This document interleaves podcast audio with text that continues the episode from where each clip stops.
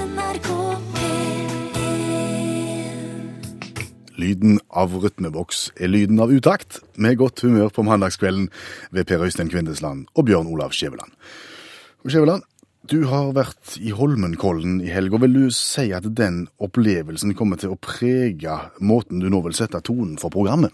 Absolutt, absolutt. For det du lærer når du er i Holmenkollen, det er at tradisjoner er viktige. Det er ikke sikkert at publikum syns at fem mil på ski var spesielt stas i 1902 når det starta.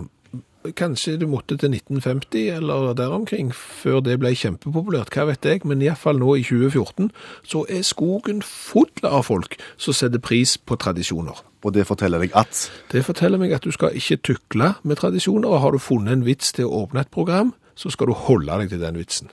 Da snakker vi hatt. Vi snakker hatt. Nå kommer vinteren, og vi har ingen sommerhatt. Men hva skal vi med sommerhatt når vinteren kommer?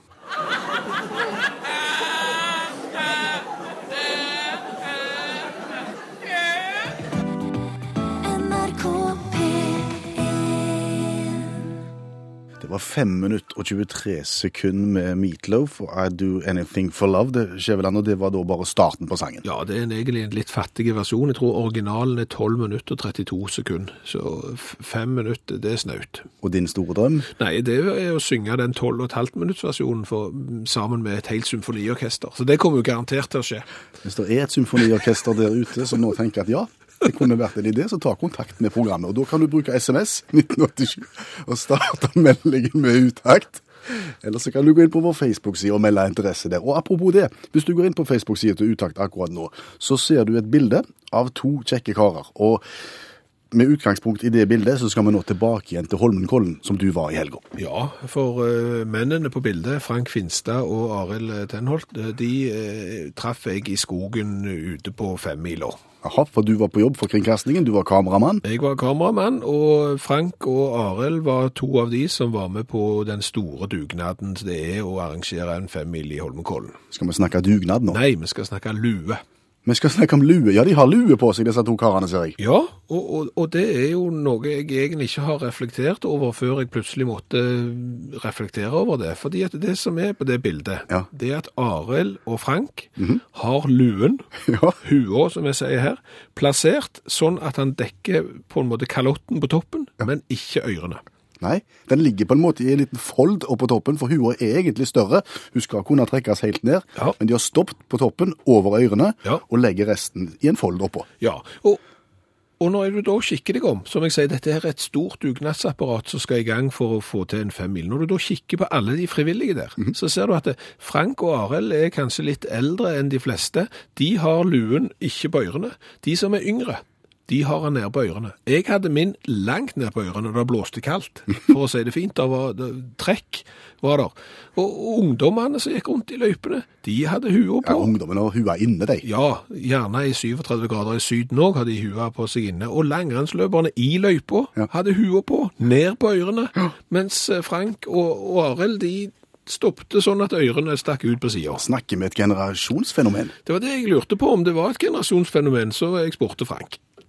Nei, slik har jeg vel eh, gått fra min yngre dag, men jeg fikk høre av noen andre her at det var liksom den generasjonen som var eldre enn meg, som startet opp med det, da, at det var en moteting en gang i tida.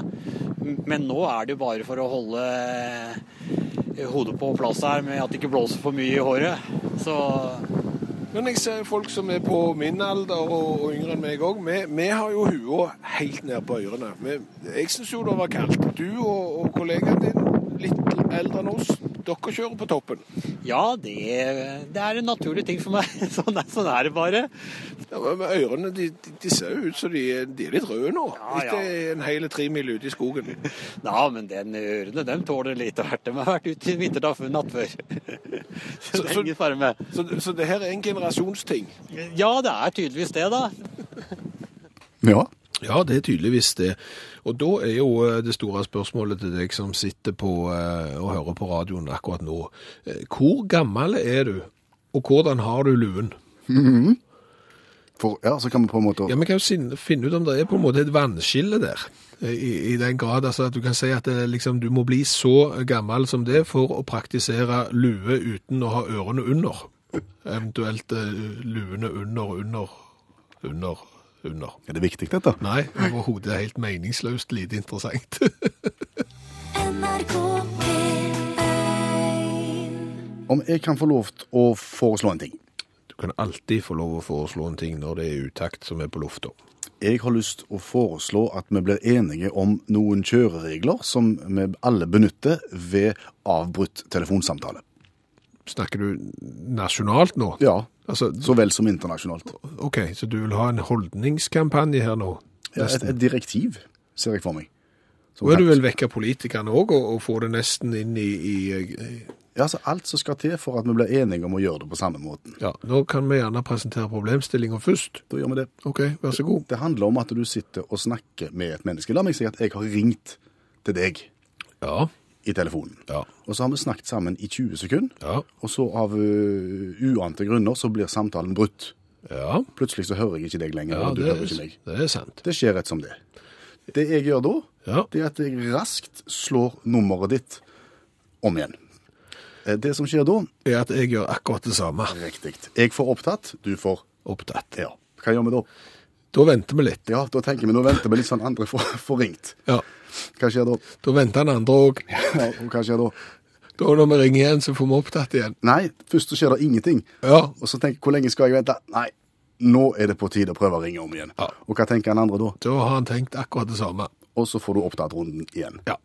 Derfor etterlyser jeg et direktiv, et eh, felles eh, kjøreregelsett, som gjør at vi blir enige om hvordan vi gjør dette. Og mitt forslag er enkelt. OK. Eh, Vi gjør det sånn at den som har ringt i utgangspunktet, Mm. har ansvaret for å gjenopprette kontakten. Ok, Den som hadde Ja, greit. Altså den som tydeligvis skulle gi en beskjed. Ja, eller ja. For det var jo derfor han ringte. Ja, ja, ta en, en, en beskjed eller en drøs. Ja, mindre jeg kjenner noen som ringer for å ikke fortelle noen ting, men det er en annen historie. Eh, ok, så den som har opprettet kontakt, den har ansvaret for å ringe tilbake igjen. Mm, Selv om det er eventuelt respondenten, altså den som har tatt imot telefonsamtalen sin skyld at det er brutt. Ja, En kan jo aldri vite hva som er skyld. Jo, du kan jo det når du har kommet borti noe. Ja, med fingrene eller med kinn. At du har trykt telefonen for hardt inntil For kinnet. eksempel hvis du har smarttelefon og er litt eh, Usmart. usmart og trykker den litt hardt mot kinnet, sånn at du på en måte legger på. Det skjer jo. Men, men OK, altså du Helt ukritisk, altså. Ja, vet, som regel så kan du ikke vite hvorfor. Det kan være eh, menneskelige feil her, men det kan også være telenett og alt mulig. Så la oss bare bli enige. Den som har ringt, ringer opp igjen. Så trenger det ikke å bli noen misforståelser. En trenger ikke vente på hverandre. Det kan gå i løpet av 15 sekunder, så er du i gang igjen. OK. Vil du starte eventuelt en holdningskampanje? Skal jeg opprette ei Facebook-side for dette? Vi som vil ha felles kjøreregler for avbrutt telefonsamtale. Den syns jeg var litt kjedelig. Vi vi må finne en, et, bra, et bra gruppenavn der, og så ser vi om hvor mange treff må du ha for at dette er en suksess. Ikke så mange. NRK P1 Hvordan går det med førsteklassingen, Vebjørn? Går veldig bra. Jeg er jo tilbake igjen på skolen nå etter å ha hatt eh, vinterferie, og det er jo rett inn i læringen. Ja, han gir uttrykk for at det var godt å komme i gang igjen. Alltid greit å komme i gang igjen når du har sluppet deg litt eh, faglig nedpå. Mm. Han har jo lært mye, det har vi jo erfart det siste halve året. Vi var jo litt usikre før han starta på skolen i første klasse i august. Vi hadde hørt så mye om den norske skolen at han ikke var bra, så vi valgte jo å følge han da. Ja, som et eksperiment for å finne ut hvordan står det til med det norske skolen, det norske skoleverket, læreren og ikke minst eh, seksåringene sjøl, så, så har vi fulgt han med Ergus øyne. Ja. Og jeg spurte han hva han hadde lært denne uka. Vi lærte om Krimkrisen. Er det krise der? Det var jo krimfestival i Oslo, og krimsjangeren blomstrer som aldri før. Jo Nesbø, Jørn Lier Holst selger jo bøker som hakka møkk, så krimkrise. Er du dust, pappa? Ikke krim som litteratur, men som halvøy ved Svartehavet. Et område som hele verden følger med argusøyne akkurat nå. Og det må vi seksåringer òg gjøre. Hva lærte dere om konflikten på Krim, da? Det er jo ganske komplekst å ha en lang historie. Men Krimhalvøya er en autonom republikk sørvest i Ukraina, der nesten 60% av innbyggerne er russere. Så det er mange på Krim altså som heier på Putin? Det kan du si. Vladimir Putin er nok ei stor stjerne i Simferopol og Sevastopol. Og hvis du òg legger til at den avsatte presidenten i Ukraina, Viktor Janukovitsj, var russiskvennlige, så ser du at det er ei skime til konflikt mellom Kiev og Krim. Ja, det har jeg fått med meg, Vebjørn. Mange russiskspråklige på Krim har vært lojale mot Janukovitsj. Og denne konflikten her, ble vel ikke mindre spent når Vladimir Putin sendte russiske styrker på militærøvelse i området? Det kan du si. Den russiske hæren er jo enormt mye større enn den ukrainske. Og Krim er jo et strategisk viktig sted med sin beliggenhet med Svartehavet. Både russere og den ukrainske hæren har baser på Krim. Alt du kan. Ja, viktig å følge med, vet du. Så det har vært ei grei uke, altså. Ja, hvor mange ganger må jeg si det? Ja, ja, ja, ja, ja. Har det vært travelt? Det er jo ikke travelt. Eller, det er ikke travelt. NRK Utakt i NRK P1 la du merke til, Skjæveland, at både du og sønnen din på seks år brukte et uttrykk ganske flittig i dag.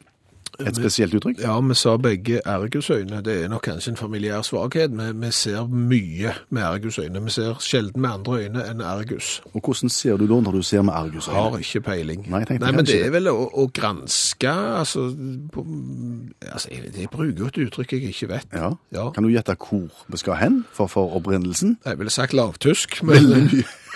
Veldig mye av det norske språket kommer fra lavtysk, men, men noe forteller meg at eh, argos kanskje ikke er, er lavtysk. Nei, vi snakker gresk. Snakker gresk, ja. Vi snakker gresk mytologi. Vi snakker Argus Panoptes. Det sa seg jo sjøl. Det var en kjekke kar. Argus den altseende. Okay. Et gedigent monster med hundre årvåkne øyne over hele kroppen. Ja. Mhm. Da, da, da strider det kanskje bitte, bitte litt med det jeg hadde tenkt at Argus øyne var. For jeg ville sagt at Argus øyne var altså retta fokus mot noe veldig. eh, Og, og har du 100 øyne, så er ikke det lett. Nei, Du, du, du, ser, det er alt, du ser alt, men du ser gjerne ikke så mye på én ting. Nei, og hvis du har skeive hornhinner òg oppi dette, på disse hundene, så har du det gående. Du kan jo tenke deg, altså, hvis du kommer der og heter Ergus, og så kommer du til, til optikeren der, og så skal du ha bifokale, vet du. Hvor mange par skal du ha? Nei, må ha 100. Ja, og så skal du Ulike styrker, vet du. pro progressivt på det øret. Ja, det blir bare rot. Ja, og innfatning. Hjelp meg. Det blir dyrt, det. Ja, det gjør det. Men argusøyne er ofte kritiske, står det her i, i leksikonet. Ja. Og så eh, var jo du nylig inne og foreslo at eh, rett og slett Norge som stat Ja. må ta grep og, og lage et fast sett av regler for hvordan oppføre, hvordan folk skal oppføre seg idet en telefonsamtale blir brutt. Ja, så ikke du får det der klattet med at en ringer tilbake, og så gjør den andre det samme, så får du opptatt, og så venter begge, så skjer det ingenting. Så ringer begge, så får begge opptatt, og så har du det gående. Jeg foreslår en regel. Den som ringte i utgangspunktet, er den som tar opp tråden igjen. Ja, og, og nå for å sette, legge press på politikerne, for å legge press på storting og regjering, som eventuelt må lovfeste dette her, så eh, har jeg opprettet for deg mm. en gruppe på Facebook som heter Regler for avbrutt telefonsamtale. Eh, Der er jeg medlem ja. foreløpig, og, og kun meg, for det står her at 30 personer må like siden din før du kan få noen tilgang til innsikt om aktiviteten. Det er bare et tidsspørsmål. Ja, Den ligger ute med lenker på, på Utakts side, og det er klart at eh, Da vil jeg gjerne få lov til å oppfordre folket til å hjelpe oss i gang, så vi bikker de 30, så vi iallfall får snøballen til å begynne å rulle. da vil vi bli ei pressgruppe med en gang. NRK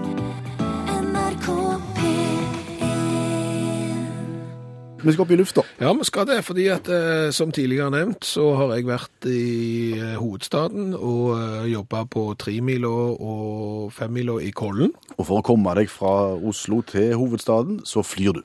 Det måtte jeg gjøre for å rekke det, ja. Eh, og, og det som er litt greia her, er at på vei hjem så ble jeg sittende ved siden av en person som løste kryssord.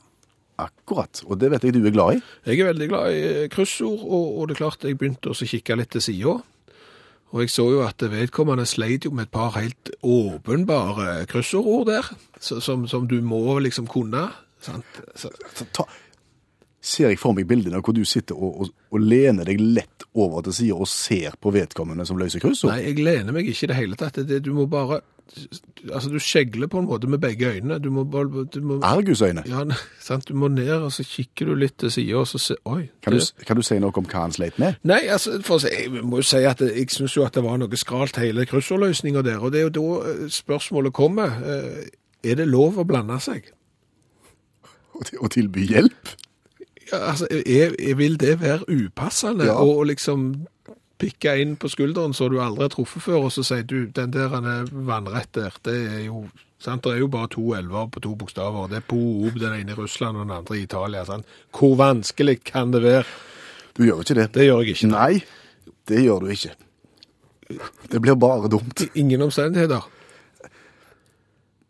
Nei, altså initiativet må komme fra han. Ja, men hvordan, som- skal, hvordan skal de vite at jeg sitter med et brennende ønske om å hjelpe dem til å få mestringsfølelsen i forbindelse med kryssord? Da må du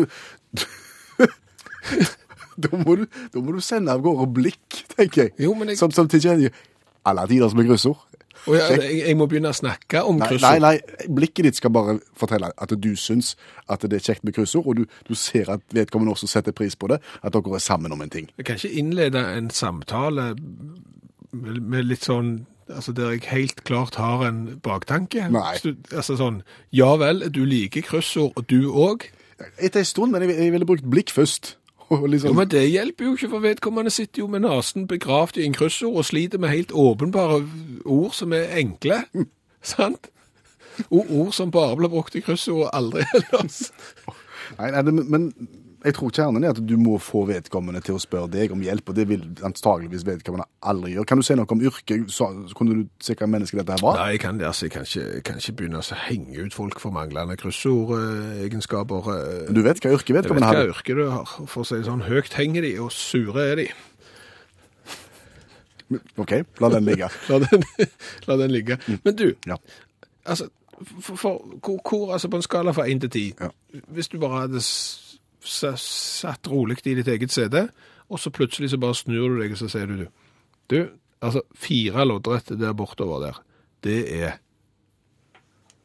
hvor, hvor, hvor upassende er det på en skala for intet? Hvis du hadde gjort det Ja. overfor meg, Ja. ganske kraftig. Ok. okay. dame, bare kjekt. NRK P1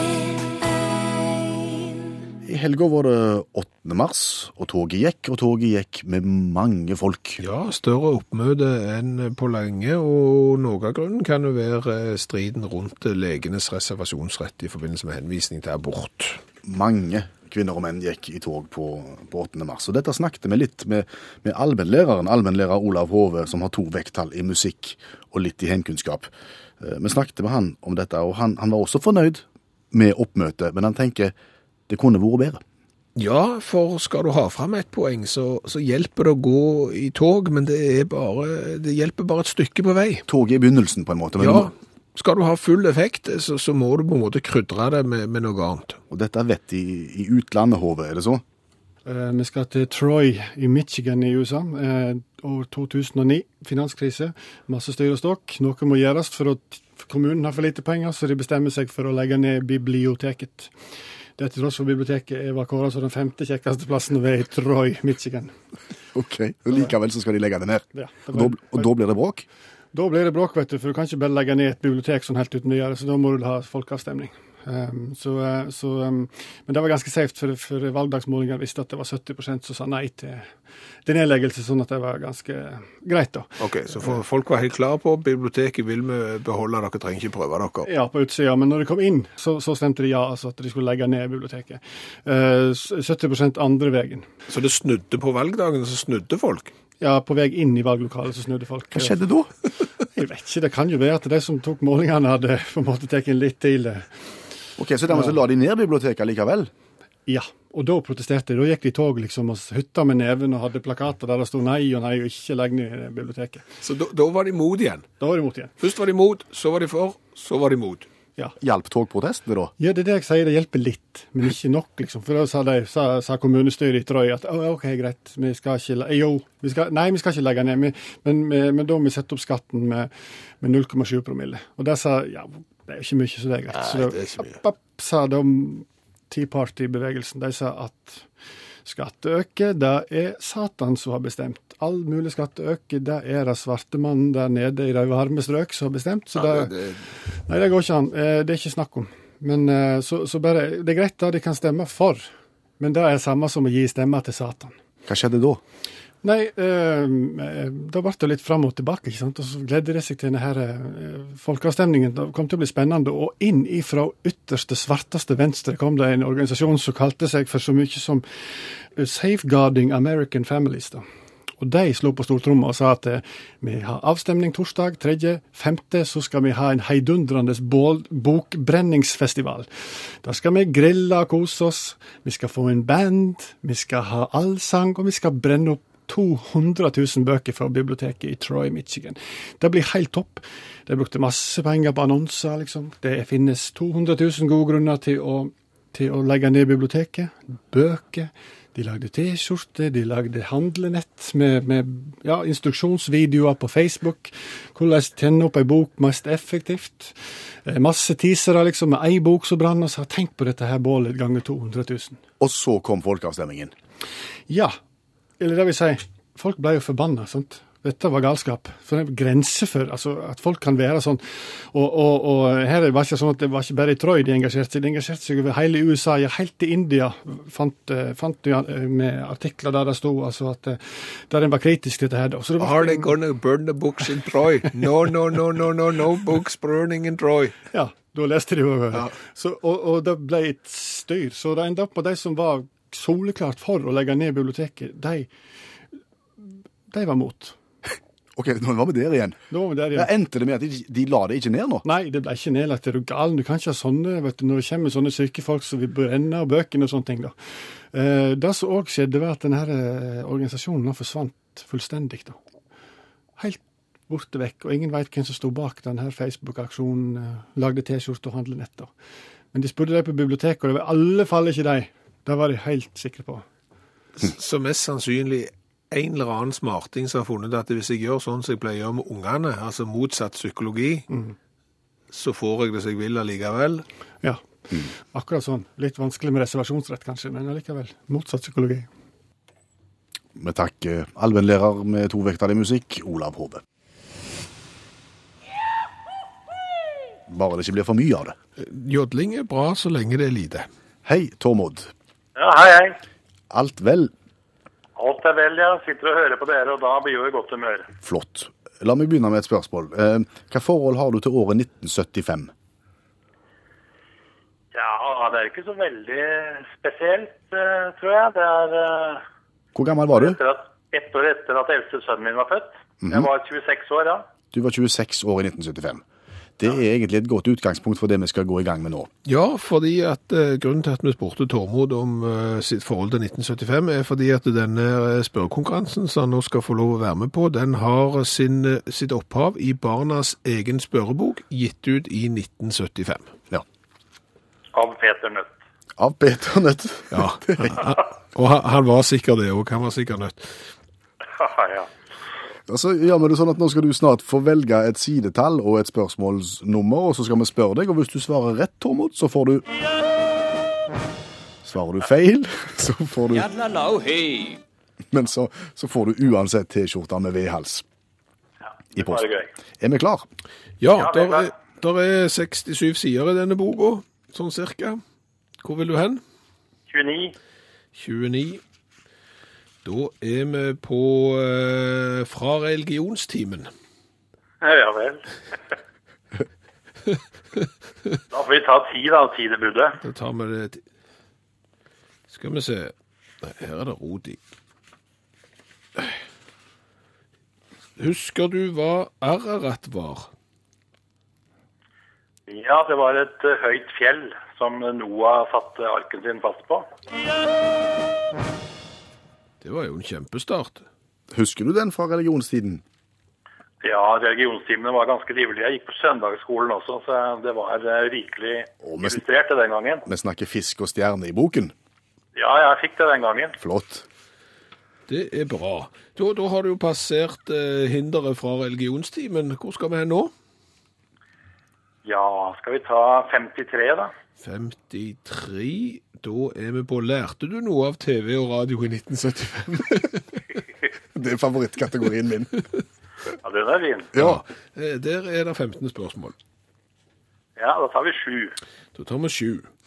Hvem hadde, ja, hvem hadde laget tekst og melodi? Generelt. Nei, altså jeg tror det er en oppfølger for spørsmål seks. Ja. Så jeg tror vi må gå der, jeg. Ja. Hva het vinnermelodien i den norske Melodi Grand Prix som fant sted 26. januar 1975? Nei, det fulgte jeg ikke så mye med på. Det var nok mer eh, rockmusikk på vei den gangen, men eh, eh, Kan jeg få lov til å gjette på vegne av Tormod? Ja, du kan få få et forsøk på å gjette. Mener du det? Ja. Ja, OK. Du og Tormod er på lag. OK. Eh, kan jeg få gjette lykken er? Nei. Nei, dårlig lag, Tormod. Det skulle vært sommer nå. Og, og da blir jo oppfølgerspørsmålet hvem har laget tekst og melodi? Amatøren Svein Hunsnes. Akkurat. Tenk å måtte havne i spørrebok under amatør. Nei, amatøren Svein Hunsnes som lagde vinnersangen der. Ja, Det hadde nok ikke feiring på, nei. Nei, men det er ikke så farlig. Da har vi et spørsmål igjen. Hvor vil Ja. du hen? Vi tar langt bak i boka der. Hvor langt gikk den, sa du? 68, Ja, tar vi 61. 61. Da er vi om styre og stell utenfor våre grenser. Hm, Ja. Ja, hva kunne du tenkt deg der? Nei, det kan vel være styre og stell mange steder. Norge har jo eh, gode meninger og vet hvordan styre og stell skal være andre steder. Så Ja, hadde vi greie på det denne gangen òg. ja og, og spørsmål nummer her? Da tar jeg spørsmål nummer tre. Ja, hva heter den finske presidenten? 1975. Ja, Han må jo være Kekkonen, det vel. Det må jo det. Det var jo intet mindre enn imponerende, det synes jeg. Kan du flere finske presidenter, Tormod? Ja, han derre Ahtisaari. Ja. Du hadde, hadde svungen på dialekten òg. ja. Det er godt. Ja, men det var jo to av tre. Ja, det var jo ikke verst det. Slett ikke verst. Nei, ja. Og hadde du, Per Øystein, kunnet din eh, Melodi Grand Prix-historie fra 1975, så hadde dere hatt tre. Mm. Jeg er bare en Han, var amatør. ikke, han var ikke så god til å hjelpe deg der. Nei, han var bare en amatør. Han gjorde et godt forsøk. Ha en god kveld, Tormod, og takk for at du var med oss. Jo, takk samme. NRK P1. Det var Sissel Kyrkjebø, og hun solgte vel en eller annen eh, grammofonplate med akkurat denne sangen på. Ganske mange. Og så gifta hun seg med en danske. Ja, Det var det jeg tenkte på. Jeg tenker fort Danmark når jeg tenker Sissel. Ja. Og det passer egentlig godt, for nå skal vi gå i gang med den spalta vi har valgt å kalle Daus. Daus. Og vi skal til Danmark. Dags. Ja, vi skal til Danmark, og det er ikke for å gjøre nær av danskene og, og snakke om språket deres, det er det mer enn andre, mange andre som har gjort, men vi vil rett og slett berømme danskene, for danskene har en egen evne til å gjerne skape nye ord som får fram helt andre ting enn det du hadde tenkt på. Ja, Og så får de disse ordene i system og i ordbøker, og, og, og får gang på det ganske fort. Der er danskene veldig snare, at eh, i det øyeblikket det oppstår nye ord og nye ting, så, så får de de inn i den offisielle, altså den danske ordboka, rimelig eh, kjapt. Ja, Og det går fort mot sommer, og snart skal både store og små over fjorden til Danmark. Og da kan det være greit, tenker vi, å, å, å ha vært igjennom noen sentrale ord som kan være godt å ha med seg. Ja, som for eksempel dette. Dimsedut. Hva? For å si det sånn, denne serien er det Skjæveland som har ansvaret for. Jeg har verken hørt eller lest noe om disse ordene på forhånd, bare så det er sagt. Og ordet i dag var Dimsedut. Det var Ja, altså, det er egentlig et ord jeg ikke hadde tenkt å ta med i eh, spalten Daus i dag, eh, Dimsedut. Eh, Fordi at, som, som jeg har sagt, altså noe av motivasjonen for det, denne spalten er jo å finne danske ord som er bedre enn de norske. Ja, og sier du at dimsedutt er noe vi har i Norge? Ja, altså, jeg skal ikke se vekk ifra at den, den, norske, den norske ekvivalenten til Dimsedutt er nesten faktisk bedre enn danskene sine. Men, men jeg syns hun dama som leste Dimsedutt, gjør det såpass bra, så du kan få lov å gjette bitte litt. Dimsedutt? Ja. Her, her er det ingenting i ordet som sier noe om hva det egentlig er. Vanligvis er det en slags indikasjon. Ja. Dims er ingenting, dutt, dutt er ingenting. Nei. Dimsedutt? ja. Er, er, det- ingenting? Ja, ja, det er nesten. Det er så godt som ingenting. Altså, det karakteriserer en liten gjenstand som du ikke vet navnet på.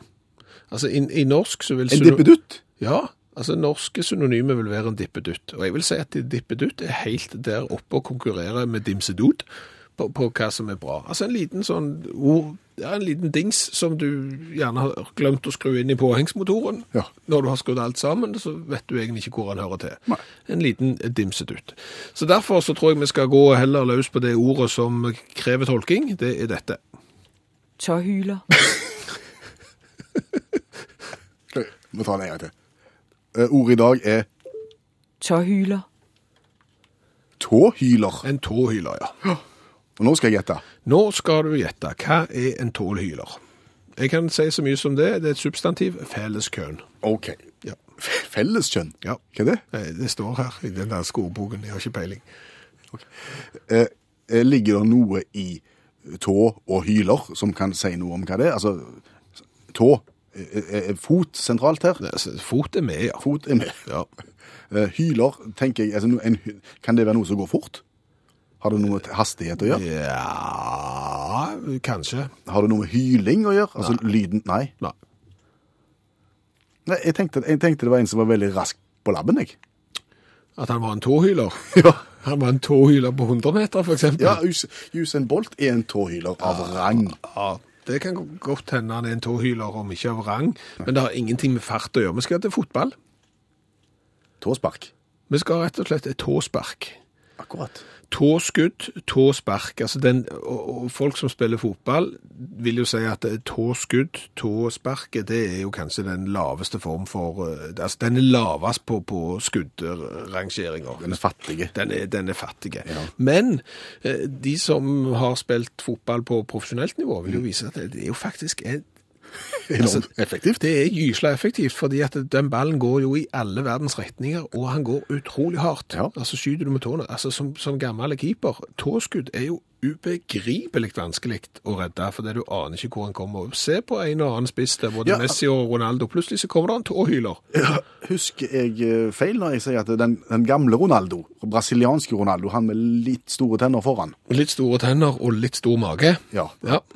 Skåra ikke han med en tåhyler i VM-finalen mot Frankrike? Jo, og, og da kan jeg lese eh, begrunnelsen for ordet tåhyler her i den danske ordbok. Altså, det er et ubehjelpsomt spark til en boll med støvlesnuden. Sant? En, et ubehjelpsomt spark med en boll med støvlesnuden. Men, men det er jo, istedenfor tåskudd, tåhyler. Det er mye tøffere. Ja. Det er det. Og dette har du lært i spalten vi har kalt. Daus. NRK P1. Forrige mandag snakket du om Frank Aarebrot som et forbilde, Skjæveland. Ja, fordi at eh, han trollbandt mang en TV-seer når han satt på NRK2 og hadde 200 år med norsk historie på 200 minutter. Vi tenkte kanskje å gjøre noe av det samme, men vi har ikke så mye tid til disposisjon, så derfor så valgte vi en litt annen variant. Ett år på ett minutt. Ja, vi har jo heller ikke så mye kunnskap, så, det vil jo være å gave over for mye hvis vi skulle si at vi skulle ta bare 100 år òg. Så, så som du sier, vi valgte ett år på ett minutt. Da valgte vi da 1984 i, for, en, for en uke siden, Ja. Med utgangspunkt i at det er vel det året hvor det kom ut best musikk noensinne. Ja, ja, etter det vi har grunn til å tro, så, så er det det. Du, rams, du, du ga gass og Ja. sa mye vist men, Ja. Om 1984, men du fikk kritikk av meg eh, fordi jeg syntes det var kjedelig. Informasjonen du brakte ble eh, tradd og, og ganske kjedelig. Ja, jeg klarte ikke trollbinde deg på samme måten som Frank Aarebrot. Så derfor så, så tenkte jeg jeg skulle prøve jeg å spisse det til bitte litt, gå litt grann, altså gå gjerne litt utenlands òg, og, og ta 1985 på ett minutt. Ok? Sånn at eh, nå er klokka 23, 26, 33. Eh, Jeg er for så vidt klar når du sier klar, ferdig, gå, jeg. Ett minutt? Ett minutt. Ok, jeg sier klar, ferdig, gå. Året 1985 starta på en tirsdag, og 27. januar starta innspillingen av We Are The World. Grensa mellom Spania og Gibraltar åpner igjen for aller første gang siden 1969. Boris Becker er bare 17 år og vinner Wimbledon i tennis, og i juni slåss 500 hippier med politiet på sin vei til Stonehenge. 1985 Grand Prix arrangeres i Sverige, og Bettan og Hanne Krogh får det bokstavelig talt til å svinge. I England blir tidenes første mobiltelefonsamtale gjennomført, og 1985 er året der stortingsrepresentant Wenche Lovsov melder seg ut av Høyre fordi partiet gjør for lite for homofile. Der har vel Høyre kommet sterkt tilbake. A-ha topper hitlistene i USA og i 18 andre land. Og så må vi heller ikke glemme å nevne Norma Phillips Tornworth, som i 1985 blir valgt til president i organisasjonen Mothers Against Drunk Driving. Det var 1985, ett år på ett minutt. NRK P1. Nå teknologinytt, for i dag fikk vi oss en overraskelse du, på, på arbeidsplassen i NRK-bygget. Ja, jeg vet ikke hva det forteller om eh, oss som arbeidere og hvordan vi skjøtter vårt arbeid, men det har seg nemlig sånn at eh, vi har fått nye monitorer eller nye dataskjermer. Ja, de har blitt mye bredere.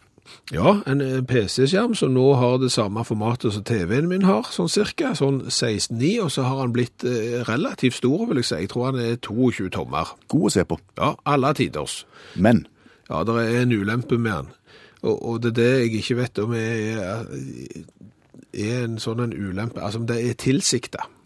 Fortell hva vi har opplevd. Nei, men altså, for å si det sånn, vi liker jo å være miljøvennlige, Ja. sant? Eh, Vi liker, jeg liker eksempel å kjøre elektriske bil, og synes at det er miljøvennlig. Ikke, havner ikke i den debatten nå, men vi, og vi skrur av strømmen når vi går ut av et rom, eksempel. Vi, vi liker det.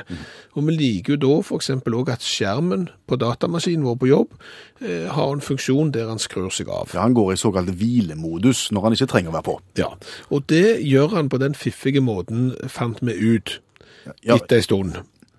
ja det, var det, var, det var det som var det spesielle her. fordi at vi, Først så begynte det med at vi irriterte oss på han. Fordi at i tid og utide så slo han seg av. Ja, altså, vi sitter der og jobber. Ja. tror vi. Eh, Tenker litt, tenker litt høyt, sitter med ei hånd bort på datamusa og lar tankene gå og ser at det kunne det vært noe artig å snakke om på radiokabinettet, og vips, så skrur skjermen seg av. Og så er det å vekke den til liv igjen med økende musbevegelser, skjer ingenting, så litt bortpå enter-knappen, og så vips, så kommer han igjen. Og Så går vi inn og så ser på om det kan være noen settinger her som sier at hvis at vi ikke har brukt den på x antall minutt, så skal han slå seg av. Ja. Fant ingenting av det. Nei, det så måtte, det. så måtte vi inn på leverandørens hjemmeside, så måtte vi lese om dette produktet. Og langt, langt nede på siden til produktet så står det at denne har en fiffige energisparefunksjon, der han har noe som heter motion detection. Når han finner ut at det er ingen som sitter foran skjermen og jobber, så går han i svart. Og det gjorde han stadig vekk, du. Når vi satt og jobbet. Og forberedte programmet. Ja. Så hva forteller det om vår arbeidsinnsats, eller eventuelt hva forteller det om eh, PC-skjermen? Nei, det er ikke godt å si, men det får meg til å tenke på, på bevegelsessensoren i den gymsalen hvor du praktiserte bedriftsidrett. Ja, vi hadde en idrettshall der vi spilte litt innebandy på kveldstid. Ja. Og det er klart, der har de òg tenkt, for det er jo ikke vits i å ha lyset på idrettshallene så lenge det er folk der og trener. Så vi var fem stykker på hvert lag, og så gikk lyset. Stadig vekk. Irriterende greier. Ja. Hva betyr det om vår intensitet på idrettsbanen, når bevegelsessensoren ikke finner ut at vi er i nok bevegelse i idrettshallen til å ha, ha lyset på? Det er overhodet ingen aktivitet på gulvet. Vi slår oss av. Takk for i dag.